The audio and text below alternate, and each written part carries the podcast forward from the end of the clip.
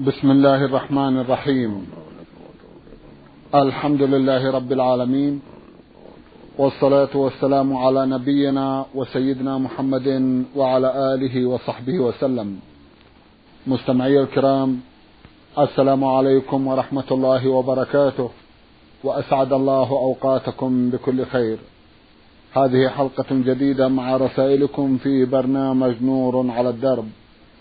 رسائلكم في هذه الحلقة نعرضها على سماحة الشيخ عبد العزيز ابن عبد الله بن باز الرئيس العام لإدارات البحوث العلمية والإفتاء والدعوة والإرشاد.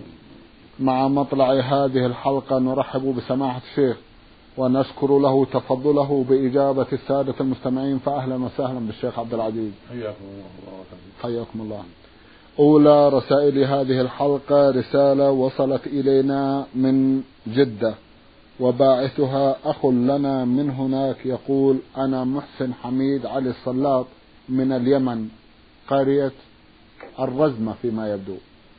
أخونا يقول في أحد أسئلته لقد ظهرت في بلادنا ظاهرة غريبة حيث أن بعضا من الناس إذا أراد الزواج وعنده أخت أو بنت يتبادل مع شخص آخر بأن يزوج كل منهم الآخر بموليته وكل منهم يقوم بتزويد تلك المولية بما تستحق وبما هي أهله في الزواج. ويسأل عن الحكم لو تكرمتم شيخ عبد العزيز. بسم الله بسم الله الرحمن الرحيم. الحمد لله رب العالمين. والعاقبة للمتقين والصلاة والسلام على عبده ورسوله وصفوته من خلقه وأمينه على وحيه نبينا وإمامنا وسيدنا محمد بن عبد الله وعلى آله وأصحابه ومن سلك سبيله واهتدى بهداه إلى يوم الدين. أما بعد هذا النكاح الذي سأل عنه الأخ يسمى نكاح الشغار ويسميه بعض الناس نكاح البدل وهو نكاح لا يجوز. لأن الرسول عليه الصلاة والسلام نهى عن ذلك. ثبت عنه في الأحاديث الصحيحة. من حديث ابن عمر ومن حديث أبي هريرة ومن حديث جابر ومن حديث معاوية. النهي عن الشغار. وقال الشغار أن يقول الرجل زوجني ابنتك وزوج ابنتي. أو زوجني أختك أو زوج أختي. هذا هو الشغار. وهو اشتراط نكاح امرأة في نكاح امرأة. سواء كانت المرأة بنته أو أخته أو بنت أخيه. المقصود أنها موليته. هذا لا يجوز والواجب النهي عن ذلك والتحذير منه. ولو سموا مهرا ولو تراضوا على ذلك لا يجوز. لأن الرسول نهى عن هذا عليه الصلاة والسلام. والله يقول جل وعلا وما آتاكم الرسول فخذوه. وما نهاكم عنه فانتهوا. ويقول جل وعلا فليحذر الذين يخالفون عن أمره أن تصيبهم فتنة أو يصيبهم عذاب أليم. وثبت عن معاوية رضي الله عنه أنه بلغه أن بعض المقيمين في المدينة تزوج امرأة على أن يزوج صاحبه امرأة عنده وسموا مهرا. فكتب معاوية إلى أمير المدينة أن يفرق بينهما وقال هذا هو الشغار الذي نهى عنه الرسول عليه الصلاة والسلام ولم يلتفت إلى ما سموا من المهر. فالحاصل أن هذا النكاح لا يجوز سواء كان فيه مهر أم لم يكن فيه مهر. وسواء تراضى الجميع أو لم يتراضوا كله ممنوع. لنهي النبي عن ذلك عليه الصلاة والسلام ولأنه وسيلة إلى جبر النساء وإلزامهن بما لا يرضين به. وهذا واقع كثيرا.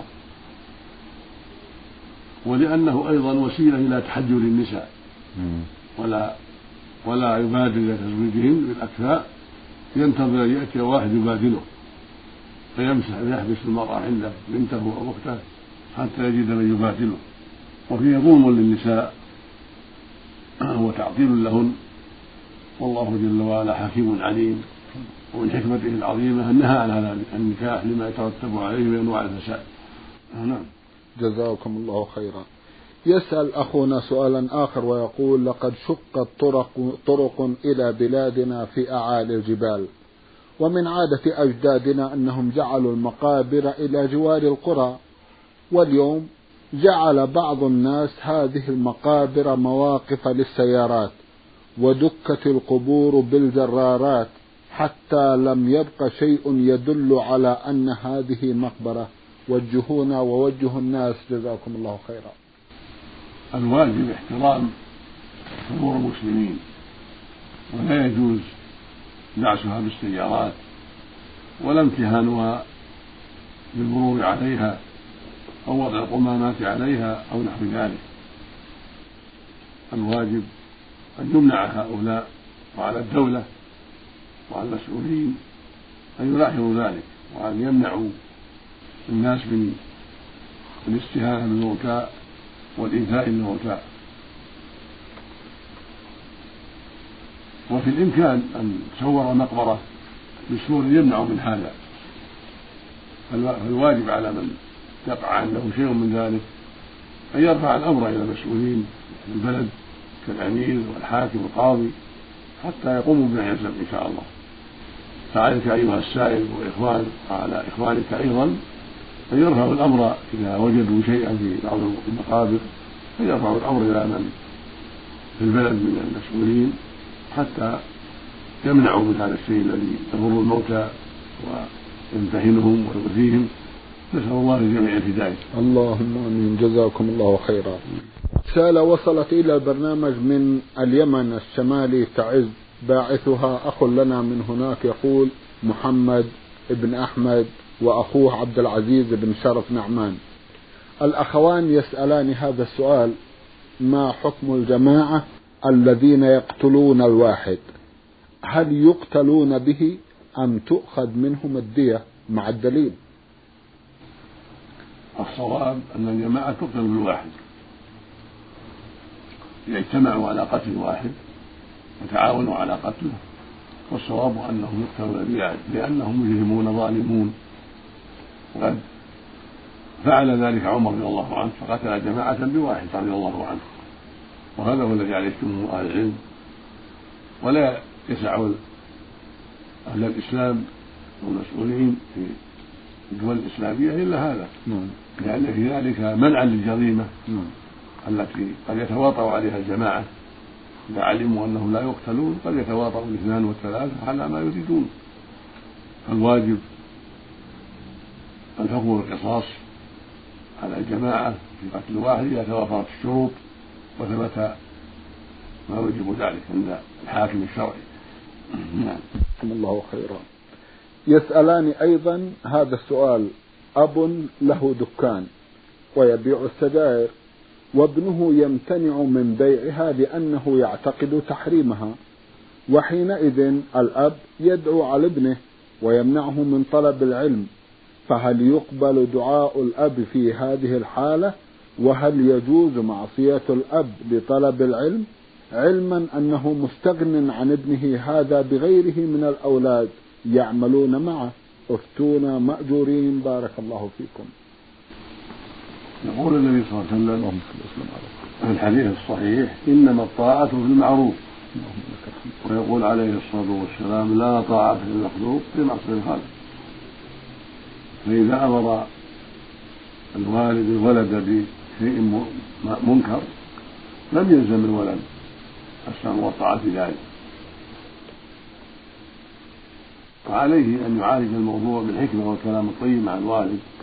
ويبين له أن هذا الشيء لا يجوز لما فيه من المضرة العظيمة والشر الكثير. ويرجو منه المسامحة في عدم مساعدة أو غير هذا مما حرم الله عز وجل. نعم. ولكن على وإن جاهداك على أن تشرك ما ليس ما ليس لك بالعلم فلا تطعهما. وصاحبهما في الدنيا معروفا فأمر بمصاحبتهما في الدنيا معروفا مع كونهما يأمران بالشرك.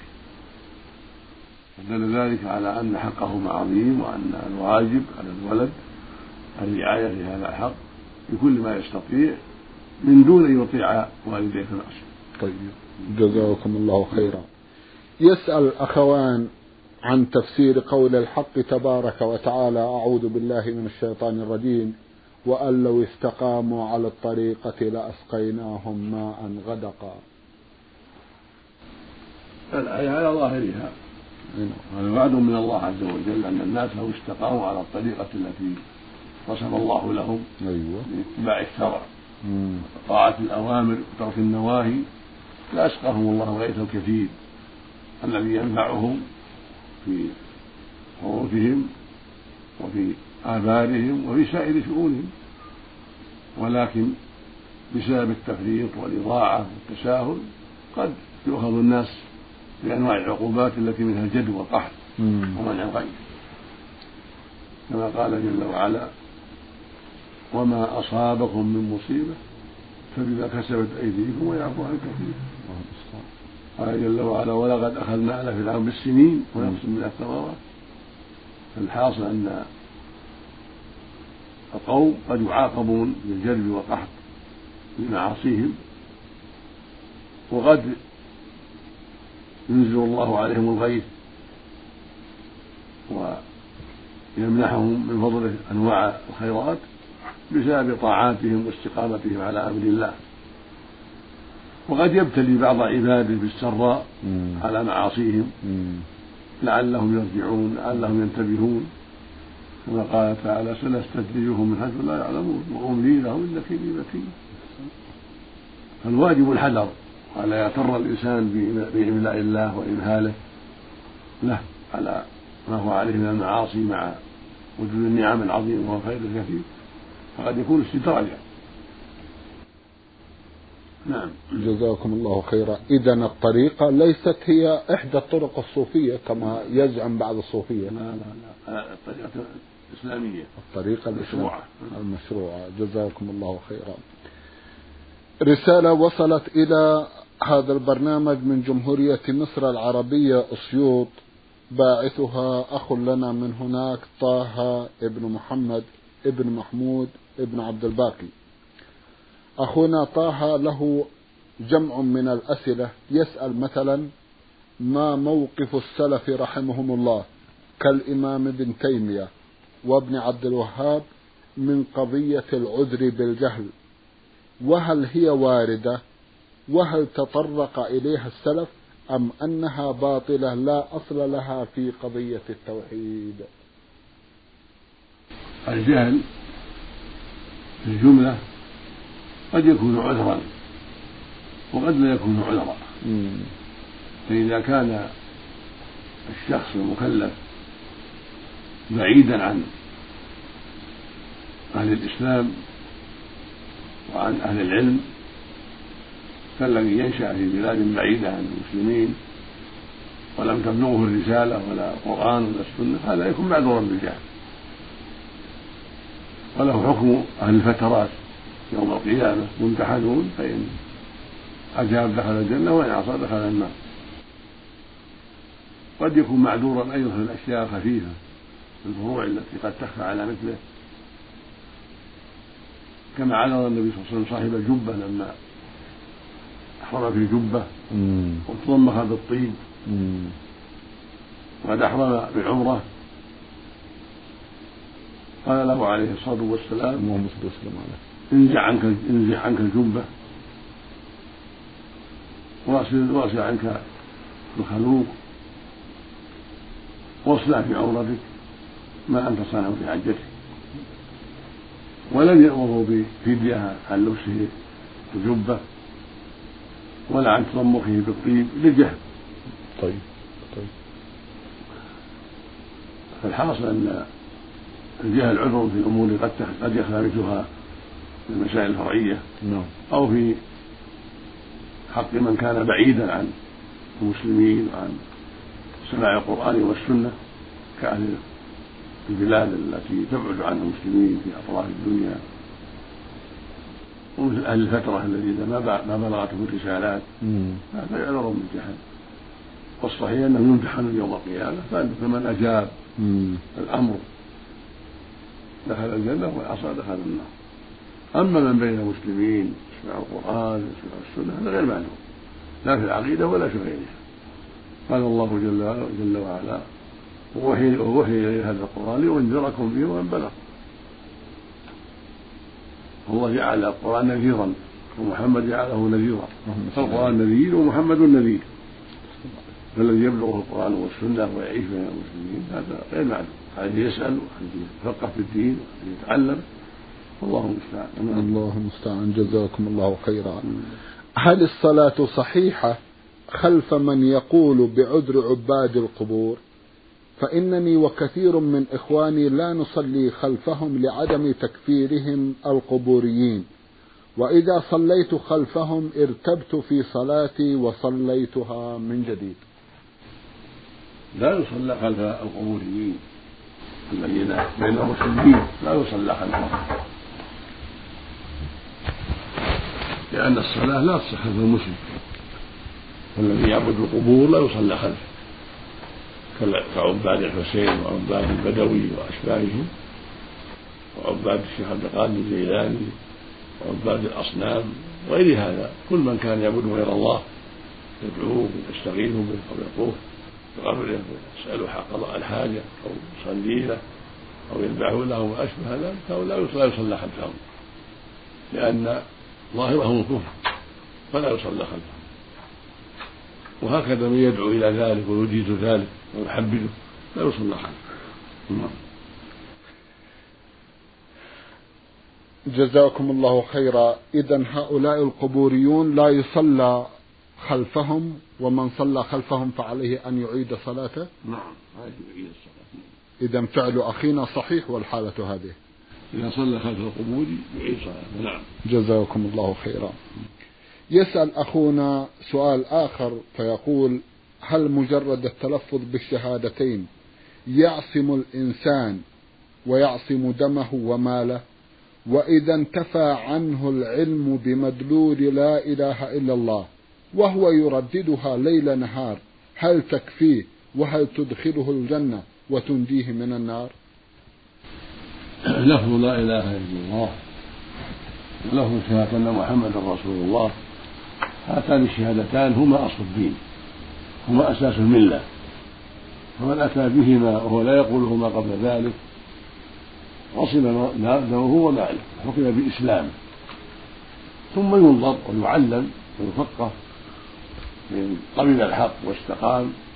عرف صدقه وإن أبى واستمر على كفره وشركه وعبادته الأصنام أو الأشجار أو الأحجار أو أصحاب القبور أو استمر على استهزائه بالدين وسبه للدين أو غير هذا من نواقض الإسلام لم تنفعه هذه الإسلام يكون مرتدا.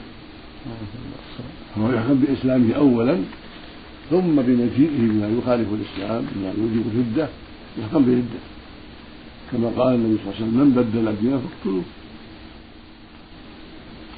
فالمسلم إذا فات الشخص إذا نطق بالشهادتين وهو لا ينطق بما سابقا حكم بالإسلام كما كان في عهد النبي صلى الله عليه وسلم وكما بينه الرسول صلى الله عليه وسلم في الأحاديث الصحيحة في حديث أسامة وفي غيره حديث ابن عمر وحديث أبي هريرة وغير ذلك.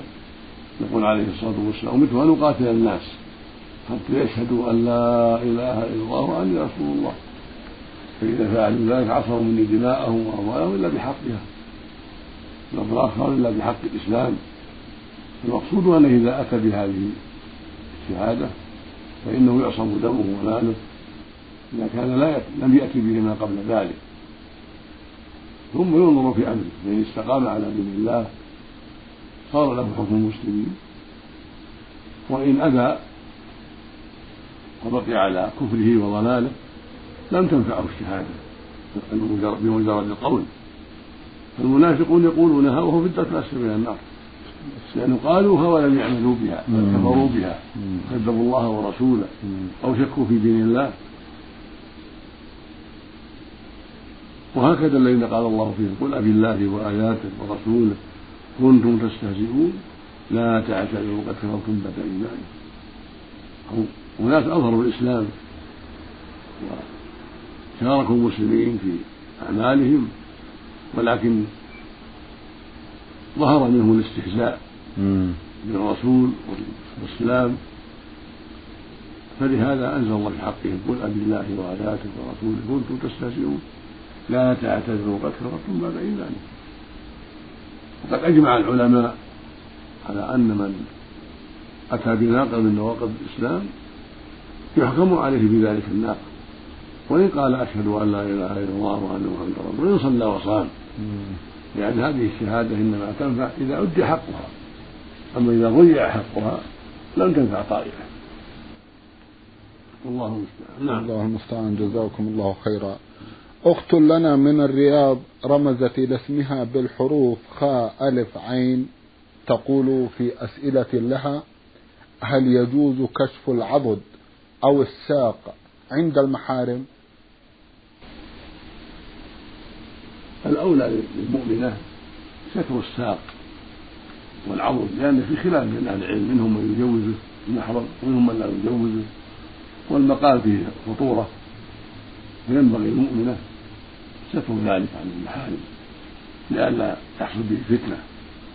لأن بعض المحارم قد يفتن بذلك. فينبغي ستر العضد والساق وأن وأن لا يرى منها إلا الوجه. والكفان والقدمان بمحارمها هذا هو الأحوط لها والأحسن لها بعدا عن الشر والخطر ولو رأى رأسه لا بأس لكنها سترت ذلك واحترزت يكون هذا أحسن وأسلم وأبعد عن الفتنة. ولا سيما في هذا العصر الذي ضعف فيه الدين وقلت فيه خشية الله. وكثر فيه المحارم الفساق والمنحلون والمنحلون من الدين. فينبغي المرأة أن تجتهد في أسباب السلامة وأن تكون في صفة محتشمة عند محارمها حتى تكون بعيدة عن الخطر نعم. جزاكم الله خيرا. ما صحة الحديث الآتي؟ عن عائشة رضي الله عنها قالت كنت ألعب بالبنات فربما دخل علي رسول الله صلى الله عليه وسلم وعندي الجواري فإذا دخل خرجنا وإذا خرج دخلنا. كيف نجمع بين هذا الحديث وبين تحريم المجسمات ذوات الأرواح؟ وهل يجوز اقتناء لعب الأطفال المجسمة باعتبارها مهانة؟ هذه المسألة اختلف فيها العلماء رحمة الله عليهم فمنهم من أجاز ذلك احتجاجا بحديث عائشة وما عندها من اللعب وقالوا إن النبي صلى الله عليه وسلم أقرها وهو لا يقر على باطل فدل على أنه يسمح باللعب للبنات يتمرن على خدمة الأولاد وتربية الأولاد بتمرنهن على هذه اللعب. ولأنها في حكم الامتهان والابتذال فرخصوا فيها. وقال آخرون إن هذا كان قبل النهي قبل النهي صلى الله عليه وسلم عن الصور وقبل لعنة المصورين قبل أمره بقصد الصور فلا يسمح لهن بذلك. وقالوا إنما يسمح لهن بالشيء ليس فيه صورة كاللعاب العادية التي في العواد والعظام. وتلبس بعض الثياب وهي ليست صورة إنما هي شبه صورة يعتادها البنات سابقا من غير تصوير. وهذا القول محتمل وهو أحوط ولكن قول من قال بالجواز من دعاء البنات قول قوي. والأصل عدم النسخ. ويجمع بين النصوص بأن لعاب البنات بحكم بحكم الامتهان ولأن فيها تدريبا لهن على خدمة الأطفال وتربية الأطفال. فيكون هذا مستثنى من الأحاديث العامة التي فيها النهي عن اقتناء الصور والأرض والأرض والأرض بطمسها وتكون هذه في حكم الصور التي تكون في البسط والوسائد لها حكم الامتحان. نعم. جزاكم الله خيرا. المستمع إسماعيل عين ميم من جمهورية مصر العربية مقيم في الرياض. أخونا بعث برسالة وضمنها سؤال مطول ملخصه أنه ممن ابتلي بشرب الدخان. وذات يوم قال علي الحرام بالثلاث إني لا أشرب الدخان وبقيت ما يقارب السنتين ثم عدت في الإجازة إلى البلد وشربت. ما الحكم لو تكرمتم؟ هذا يرجع إلى نيته فإذا كان أراد بهذا منع نفسه من شرب الدخان وليس قصده تحريم زوجته كريبة إنما قصده أن يمتنع من ذلك وأن يستعين بهذا التحريم على ترك التدخين فهو في حكم اليمين وعليه كفارة اليمين مع التوبة والاستغفار وعدم العود إلى ذلك. وعليه كفارة اليمين لأن التحريم على الأصح في حكم اليمين. إذا قال عليه الحرام لا يفعل كذا أو لا يفعلن كذا. ثم حلف. فالصواب أنه في حكم اليمين إذا أراد إذا لم يرد تحريم أهله تحريم زوجته وإنما أراد الامتناع والكف عن هذا الشيء فله حكم اليمين. وكفارتها معلومة طعام ثلاث مساكين أو كسوتهم. أو عتق رغبة من عجز عن ذلك صام ثلاثة أيام. والحاصل أن هذا له حكم اليمين نعم. جزاكم الله خيرا. أيضا من أجل نفس الموضوع ندر صيام عشرة أيام إن هو شرب الدخان ثم وقع في نفس المشكلة وشرب الدخان. لا شك عليه. نوفى بالنذر أعيد أعيد نذر. أعيد يقول إنه نذر على نفسه أن يصوم عشرة أيام إن هو شرب الدخان مرة أخرى فشرب الدخان. هذا مثل ما تقدم فيه التفصيل. أيوة. إن كان أراد منع نفسه بذلك كما هو الظاهر انه أراد أن يمتنع فلا يلزمه الصيام وعليك وتجزي كفارة اليمين. وإن صام أجزأه ذلك وكفى. وإن كان أراد قربه إلى الله وأنه يصوم اذا فعل ذلك ليس قصده الامتناع. هذا يصوم لكن سياق الناس وعادتهم في مثل هذا ان قصده من هذا الامتناع. نعم. وأنه يريد أن يمنع نفسه بالصيام. فإذا فعله فعليه التوبة إلى الله وقد أخطأ وغلط لأن الدخان محرم وعليه كفارة يمين إن لم يصوم فإن صام أجزاه ذلك جزاكم الله خيرا. رسالة بعث بها لنا مستمع من خليص. سمى نفسه فتى الطلعة يسأل ويقول ابنة أخي إذا كان لها بنت هل لي الزواج بها؟ بنت أخيك وبنت بنت أخيك محرم. أيوة. ليس لك الزواج بنت أخيك ولا بناتها ولو نسلنا. بنت أخيك بنت بنت أخيك بنت بنت أخيك بنت بنت بنت بنت أخيك كلهم محال أنت عمهن جميعا ولو نزلنا فليس لك الزواج بواحدة منهن بإجماع المسلمين لأن الله جل وعلا حرم في المحرمات بنات الأخ. وبنات الأخ يشمل تشمل القريبات والبعيدات. نعم. بنات الأخ وبنات ابن الأخ وبنات بنات ابن الأخ وبنات بنات ابن الأخ. يعني وإن نزلنا فالحاصل أن بنات الأخ وبنات الأخ وإن نزلنا محرمات على عمهم. نعم. جزاكم الله خيرا. سماحة الشيخ في الختام أتوجه لكم بالشكر الجزيل بعد شكر الله سبحانه وتعالى على تفضلكم بإجابة السادة المستمعين وآمل أن يتجدد اللقاء وأنتم على خير. مستمعي الكرام كان لقاؤنا في هذه الحلقة مع سماحة الشيخ عبد العزيز بن عبد الله بن باز الرئيس العام لإدارات البحوث العلمية والإفتاء والدعوة والإرشاد. شكرا لمتابعتكم وإلى الملتقى. وسلام الله عليكم ورحمته وبركاته.